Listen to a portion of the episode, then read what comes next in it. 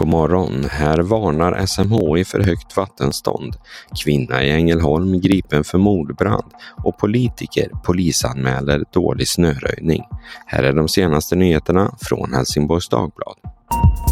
Ikväll och i natt kan vattenståndet i Skälderviken och Laholmsbukten och till viss del även i norra Öresund stiga.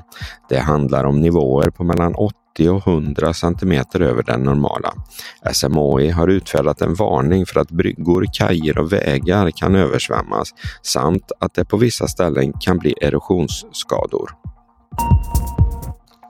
Igår kväll började det brinna i en lägenhet på Fricksgatan i Ängelholm. När räddningstjänsten kom till platsen hittades en kvinna i det rökfyllda trapphuset och det visade sig att det var i hennes lägenhet det brann. Elden släcktes och kvinnan fördes till sjukhus och efter förhör med henne beslutade polisen att gripa henne som misstänkt för mordbrand. Snöröjningen i Ängelholm var så dålig att politikern Stig Andersson i Ängelholmspartiet inte kunde lämna sitt hus. Nu har han polisanmält kommunen för framkallande av fara. Enligt anmälan så har kommunen utsatt medborgarna för livsfara eftersom snöröjningen inte fungerade. Polisen har inlett en förundersökning. Enligt Stig Andersson så måste det bli klarlagt vem som är ansvarig.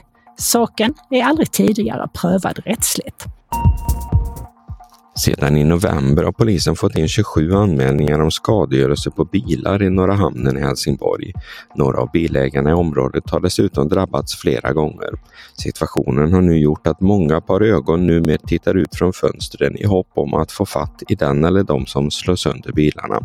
En ensam person har setts några gånger, men om det är en och samma person eller olika är oklart. Vid åtta-tiden igår kväll började det brinna i en industrilokal i Billesholm i Bjuv. Till en början bekämpade personalen själva elden som rasade i taket. När räddningstjänsten kom tog de över och en timme senare var elden släckt och spridningsrisken från taket till resten av byggnaden stoppad. Ingen människa skadades i branden.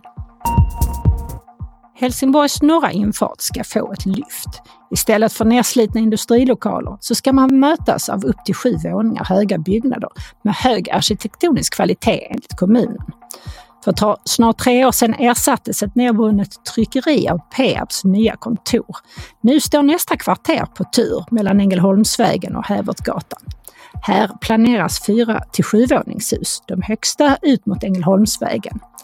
En del gamla fastigheter ska rivas och göra Ängelholmsvägen lite vackrare och trevligare enligt Kire Skoglund på Kiab Fastigheter som äger flera av fastigheterna längs Ängelholmsvägen. Det svenska Davis Cup-laget möter Brasilien i Helsingborgs arena i helgen. Laget är på plats och förberedelserna är i full gång. I måndags fick fyra skånska ungdomar hänga med proffsen. College tennis var ett av samtalsämnena mellan proffsen och ungdomarna. André Göransson, 29 från Höllviken, gick på Båstads tennisgymnasie innan han drog till USA och spelade för University of California. Idag är han proffs och reser världen över som dubbelspecialist. Måndagens möte var den bästa dagen i tioåriga Lovisa Kranerups liv, sa hon. Jag vill bli proffs.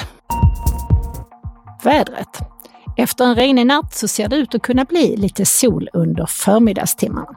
Annars väntar idag en mulen dag. Temperaturen ligger mellan 4 och 5 grader. Den västliga vinden är måttlig under dagen men ökar till frisk under kvällen.